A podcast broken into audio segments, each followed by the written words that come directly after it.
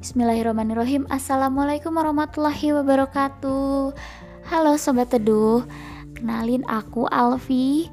Di sini aku bakalan uh, sharing tentang percakapan aku kemarin bersama salah satu teman aku yang sekarang sedang menempuh S2 di Korea Selatan, tepatnya di Universitas uh, di Yongsan University. Nah, uh, kemarin aku sempat mengajukan beberapa pertanyaan kepada beliau dan itu termasuk pertanyaan-pertanyaan dari teman-temanku juga gitu yang penasaran kenapa sih kok bisa uh, dia kuliah di Korea Selatan? gitu ya. Uh, oke langsung aja ya. Ini dia cekidot. Silahkan teh adek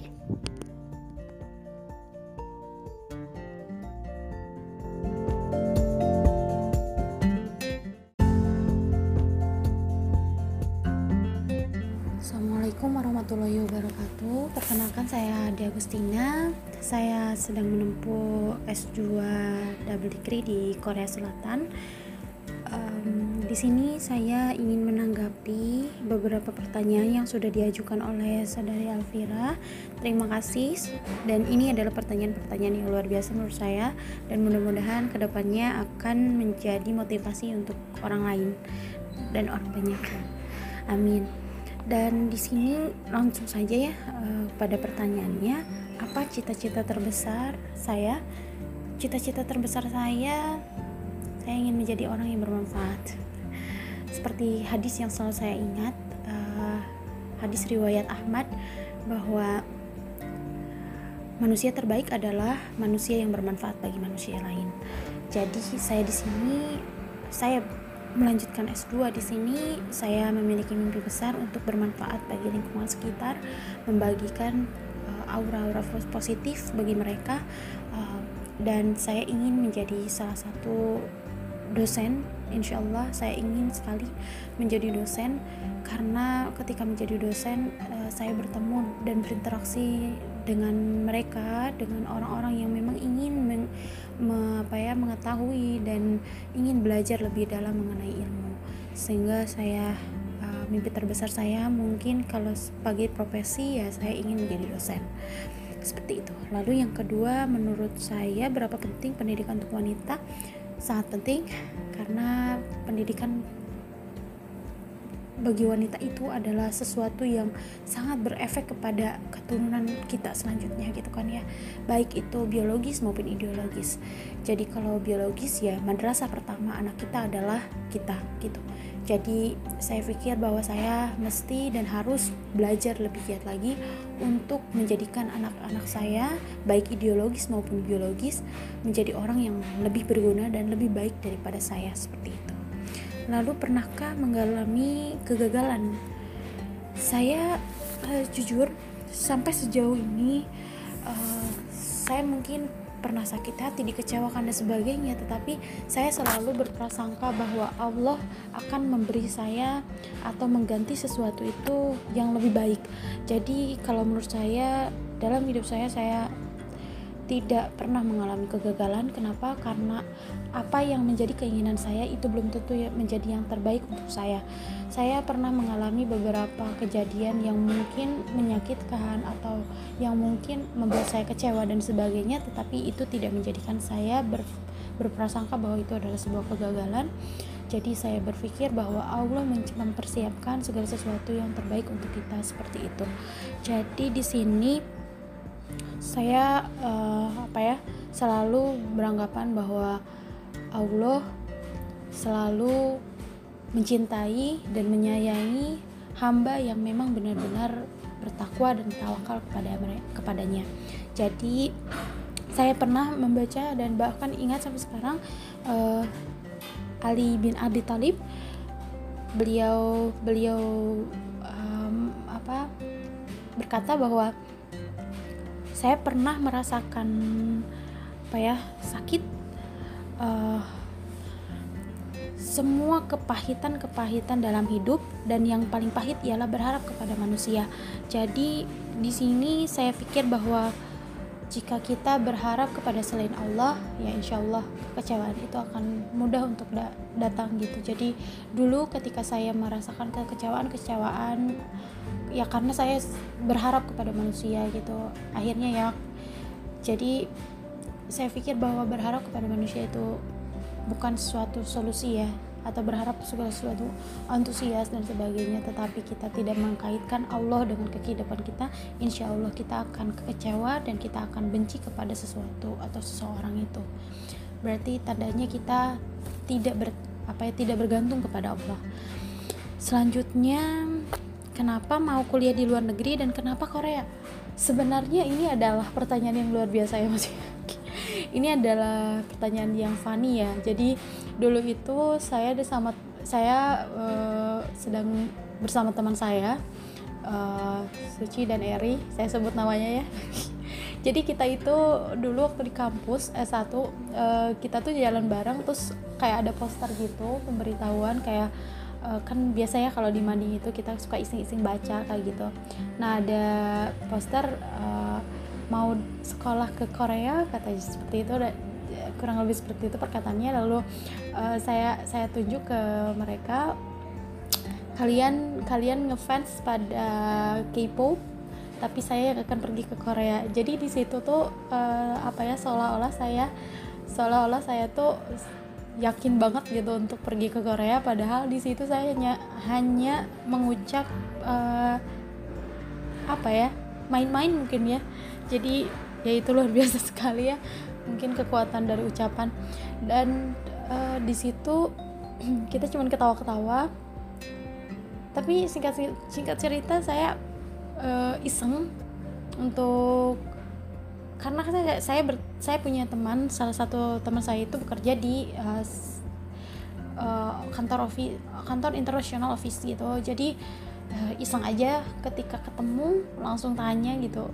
Itu masa iya sih gitu kan kampus kita kerja sama sama Korea gitu kan dan sebagainya. Terus akhirnya ditanya kan mau kamu mau daftar ini ini ini? Ya udah daftar aja ini ini. Ah daftar enggak? Gitu kan. Akhirnya uh, di situ tuh kayak beberapa dosen tuh kayak memotivasi gitu karena kebetulan di situ juga ada beberapa dosen jadi lalu mereka motivasi dan sebagainya. Lama-lama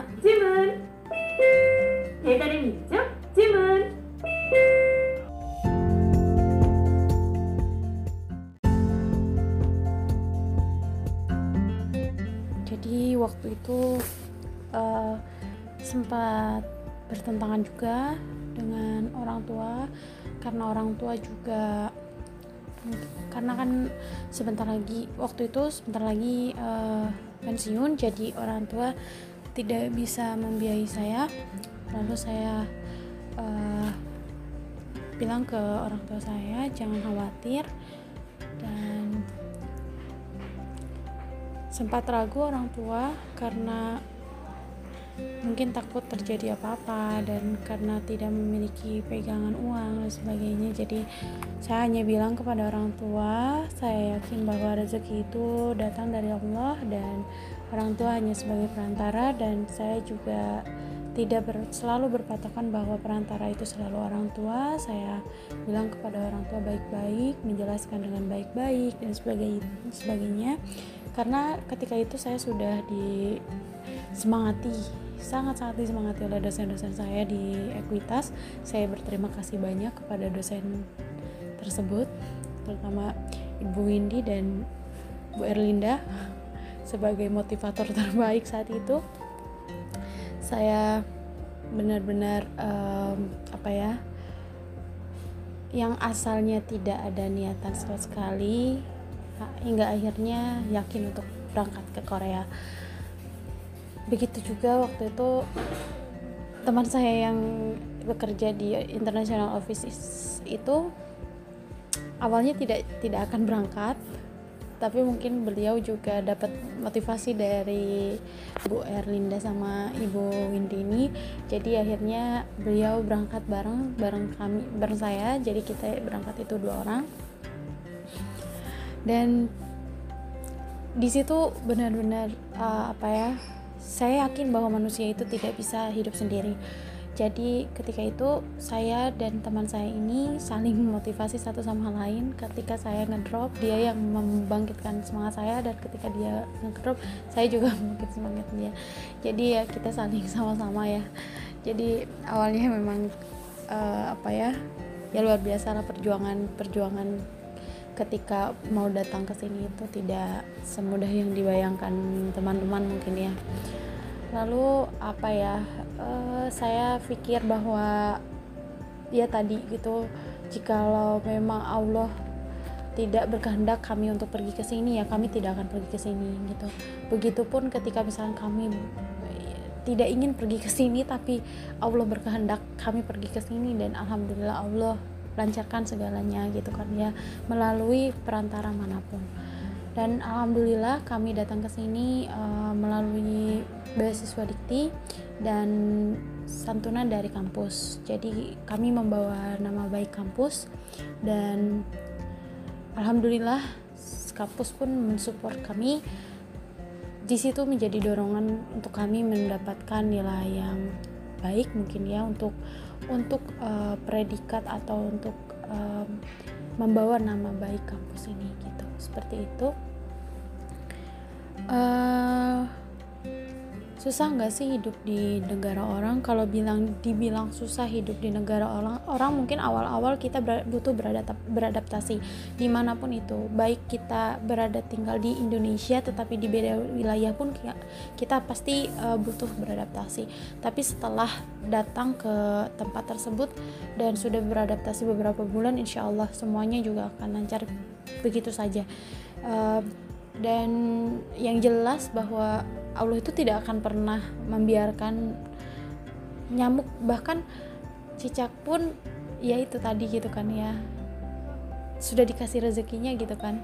Bukan nyamuk bukan cicak yang nyamperin nyamuk tapi nyamuk yang nyamperin cicak. Itu kayak apa ya teori yang simple tapi ngena banget di kehidupan saya menurut saya. Jadi ketika kita tinggal di Korea waktu awal-awal itu kita benar-benar bawa uang 배달의 민족 질문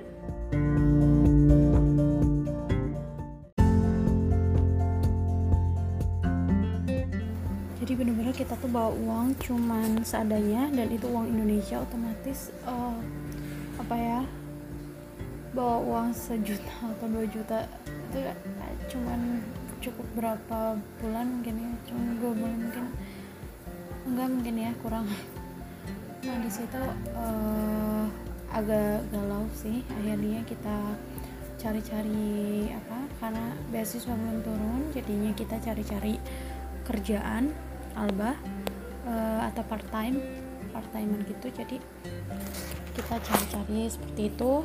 Ya alhamdulillah Allah kasih kita pekerjaan yang memang uh, luar biasa ya. Maksudnya kayak sehari itu kita digaji itu sampai 900 ribu sehari kerja.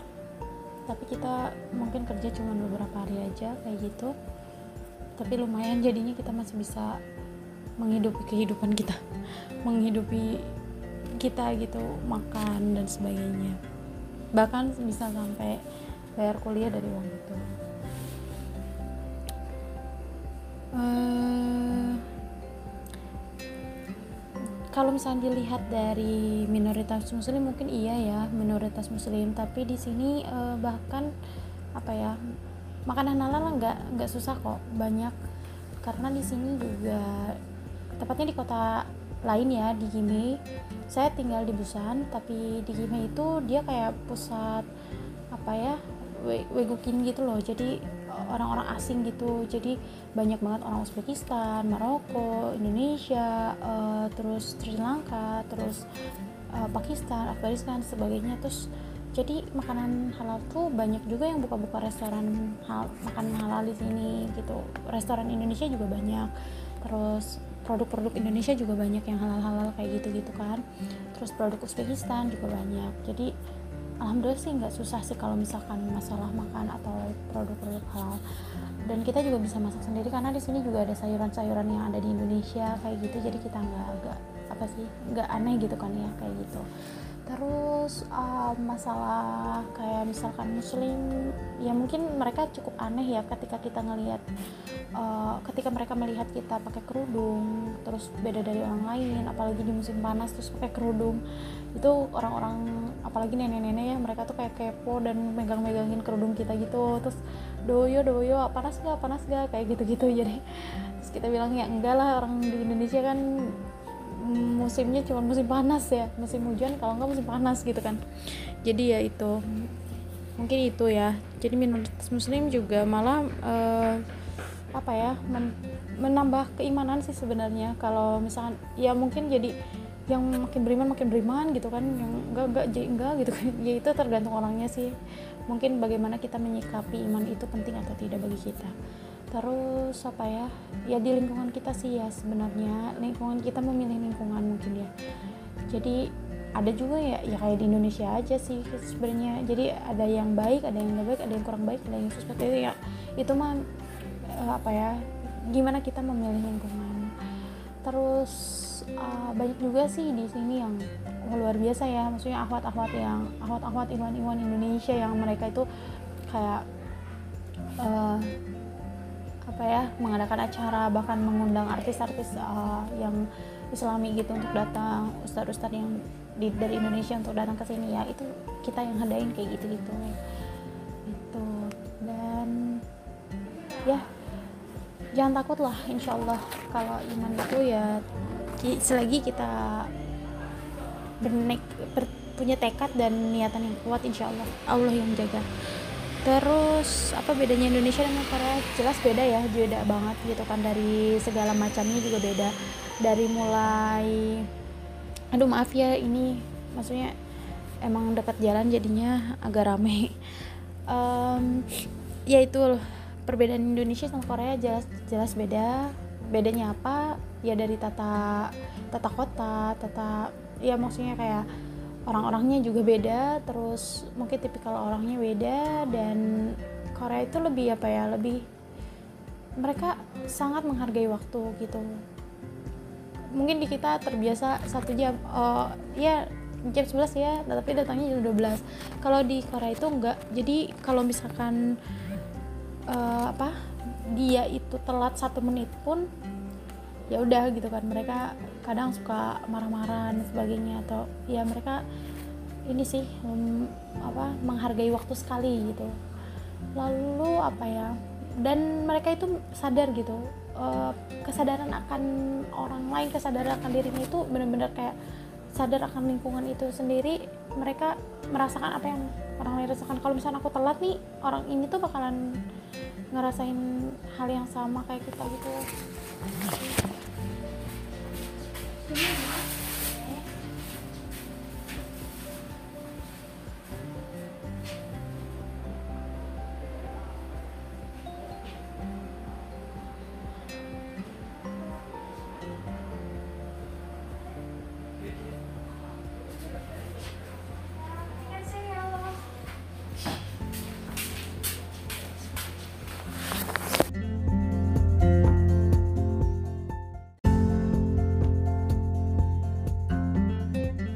kayak gitu. Perbedaannya ya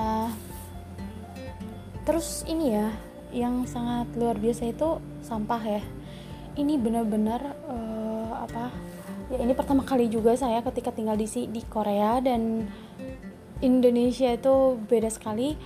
Um, di Korea itu benar-benar kayak sampah itu kayak organik anorganik itu penting banget untuk dipisahkan karena mereka itu nggak mau ngebuang sampah kita kalau misalkan nggak dipisahin. Otomatis kan kita mau nggak mau harus pisahin kan. Karena e, kalau misalkan mereka berpikir bahwa kalau misalkan apa ya membuang sampah gitu ya. Jadi mereka itu petugas sampah tapi mereka punya kayak harga diri tersendiri gitu loh. Jadi kayak ya kalau misalkan kamu mau buang sampah aku buangin ya kamu harus sadar diri gitu kayak gitulah. Jadinya ya luar biasa. Maksudnya dan orang-orang sekitarnya pun merasa apa ya menghormati menghargai orang-orang sekitar. Jadi uh, ketika uh, ke petugas uh, petugas sampah itu ya mereka merasakan kalau misalkan kita membuang sampah dan membuang sampahnya itu misalkan disatuin gitu kan kamu kira-kira mau nggak sih ngebuang sampah ini? Enggak kan? Nah jadi kalau misalkan kamu nggak mau nah orang yang ngebuang sampah sampah kamu tuh ya apalagi orang itu gitu kan ya bekas kamu dan sebagainya. Jadi apa ya lebih menyadar menyadari atau balikin lagi ke diri kita masing-masing gitu. Jadi luar biasa sih dari situ. Terus mereka itu sebenarnya seperti individual padahal mereka itu care satu sama lain sebenarnya. Dan yaitu mungkin ya cara berpikir dan kesadaran dirinya. Terus saya juga suka sharing-sharing sama Sajang nih sama bos saya. Uh, mengapa sih Korea seperti ini gitu kan dan sebagainya. Terus Korea uh, Sajang nih selalu bilang karena sistemnya bagus gitu kan. Sistem ini ya tadi gitu kan. Aturan kalau yang namanya sistem ya peraturan yang diatur pengaturnya gitu kan. Ya otomatis tiga kesatuan ini yang nggak bisa dipisahin gitu. Kalau rusak salah satu ya nggak jalan sistemnya. Nah di Korea dia jalan gitu. Jadinya kita bersinergis gitu loh. Jadinya yaitu tadi kalau di Indonesia mungkin ke, kebanyakan ketidaksesuaiannya itu tadi gitu. Mungkin itu ya terus saya juga mau menanggapi yang hmm, pendidikan ya. Perbedaan dari pendidikan mungkin ya kalau misalnya di Indonesia apa ya kalau di Indonesia itu dia lebih kalau menurut saya dia terlalu kompleks ya terlalu banyak sekali gitu kan ya. Jadi yang dibeban kepada kepada siswa gitu. Jadi akhirnya merasa berat dan sebagainya. Kalau di Korea sendiri sih dia lebih ringan ya dia lebih fokus kepada apa yang menjadi major gitu kan ya yang menjadi subjeknya gitu kan. Akhirnya kayak saya misalkan saya belajar di Indonesia dengan belajar di sini jujur uh, di Indonesia itu lebih berjelimet gitu kan ya. Sampai uh, pening gitu. Tapi kalau misalkan di Korea itu apa ya mereka kayak udahlah kamu simpel aja. Kenapa kamu oh kok ini kompleks. Sampai saya pernah bikin bikin research research research project itu. Terus udah bikin itu terus dosennya bilang kamu ini detail banget gitu kan sebagainya terus uh, apa namanya ini uh, apa namanya wah ini penelitiannya begini karena kalau menurut saya penelitian itu tuh kayak biasa gitu di Indonesia. Karena ya di Indonesia biasa kayak gitu gitu kan dibawa berjelimet gitu tapi kalau di sini tuh udah simpel-simpel aja gitu kan ya. Akhirnya kita ganti gitu kayak gitu gitu sih. Mungkin lebih dibawa simpel mungkin ya. Dan mungkin semakin maju negara itu semakin simpel.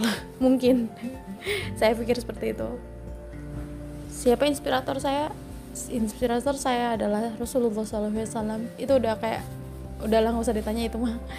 Karena eh, manusia terbaik ya. Maksudnya saya saya benar-benar kayak kalau kita pengen ngejar dunia akhirat udah contoh Rasul udah titik gitu kan ya. Nggak nggak harus kita lihat orang lain gitu. Kalau misalnya kita kagum dengan orang lain wajar lah ya. Misalkan kayak wah uh, orang ini luar biasa ya. Oh orang ini uh, sangat apa ya sangat berpengaruh gitu kan ya. Aku pengen di kayak mereka dan sebagainya. Tapi menurut saya tidak menjadikan dia itu terus uh, apa ya yang saya akan ikuti gitu tidak gitu. Karena yang namanya manusia biasa ya maksudnya pasti akan ada salah titik temu salahnya gitu kan ya. Jadi saya pribadi gitu kan saya sangat sangat uh, apa ya sangat mencontoh gitu. Saya ingin sekali gitu kan seperti Rasulullah gitu. Walaupun ya jauh sih ya tapi ya saya terus berusaha gitu kan seperti itu. Jadi inspirator terbaik saya adalah Rasulullah SAW apa yang akan aku lakukan setelah pulang? Yang saya lakukan setelah pulang. Yang saya lakukan setelah pulang dari Korea itu yang terutama adalah saya ingin menjadi orang yang bermanfaat bagi orang lain berarti ya saya akan mewujudkan mimpi itu. Insya Allah saya uh, ingin sekali melamar menjadi dosen saya ingin melanjutkan kuliah lagi studi, studi saya uh, saya juga ingin mungkin nanti insya Allah saya dan suami akan tinggal di Indonesia.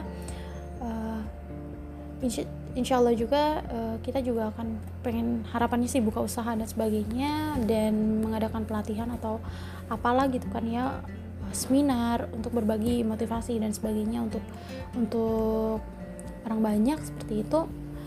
Dan apa ya ya saya welcome sekali bagi orang-orang yang mau sharing-sharing dan bertanya kepada saya saya welcome insya Allah nanti saya akan menjawab uh, sesuai dengan harapan teman-teman gitu jadi kayak gitu sih oke itu paling Terima kasih buat Alvira yang sudah mengajukan pertanyaan-pertanyaan. Mohon maaf, pertanyaan saya singkat-singkat, uh, jawaban saya singkat-singkat, jadinya. Uh, tapi itulah yang saya rasakan ya, maksudnya ya natural sajalah seperti itu. Terima kasih banyak dan bye bye, sampai jumpa nanti kalau ada uh, apa-apa atau yang mau ditanyakan lagi bisa langsung kontak saya. Assalamualaikum.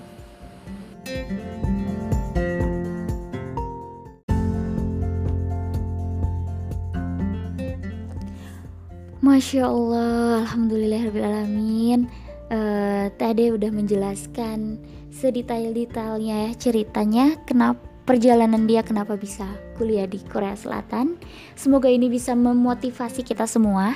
Dan di sini aku bisa mengambil pelajaran bahwa uh, Ucapan adalah doa Dan ketika kita sudah uh, mempunyai suatu doa dan harapan Berarti kita harus memiliki usaha yang lebih untuk bisa mewujudkan itu gitu ya. Karena uh, hasil itu akan uh, mengikuti proses gitu ya. Maksudnya hasil itu tidak akan mengkhianati proses. Kalau kalau kita bisa mencapai hasil itu ya berarti kita sebelumnya sudah melewati proses-proses yang maksimal maksimal. Ya walaupun hasil itu memang Allah yang menentukan gitu ya. Ya buktinya gitu.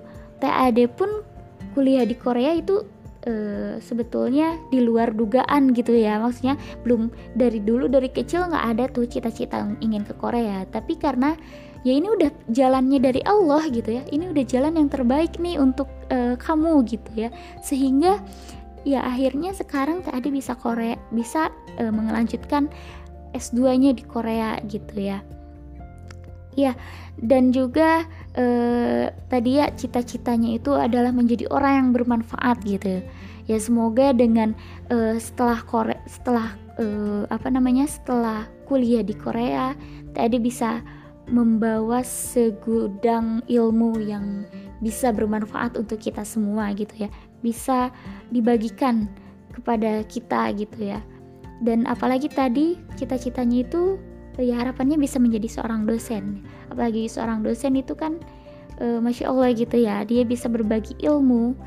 E, nah harapannya nanti juga ilmu yang didapatkan di Korea itu bisa terasa oleh kita gitu.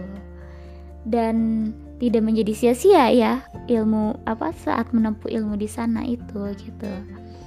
Ya begitu sobat teduh uh, podcast dariku kali ini. Semoga ini bisa memotivasi kalian dan bisa bermanfaat ya. Um, semangat terus dengan apa pun yang kalian kejar. Tetaplah kejar dan jangan lupa untuk um, untuk bergantung kepada Allah Subhanahu wa taala karena hasil itu Allah yang menentukan gitu. Dan agar kita tidak kecewa, kita harus tetap bergantung kepada Allah Subhanahu wa taala. Oke, okay? uh, eh, siap kalau begitu. Aku akhiri podcast ini. Wassalamualaikum warahmatullahi wabarakatuh. Dadah.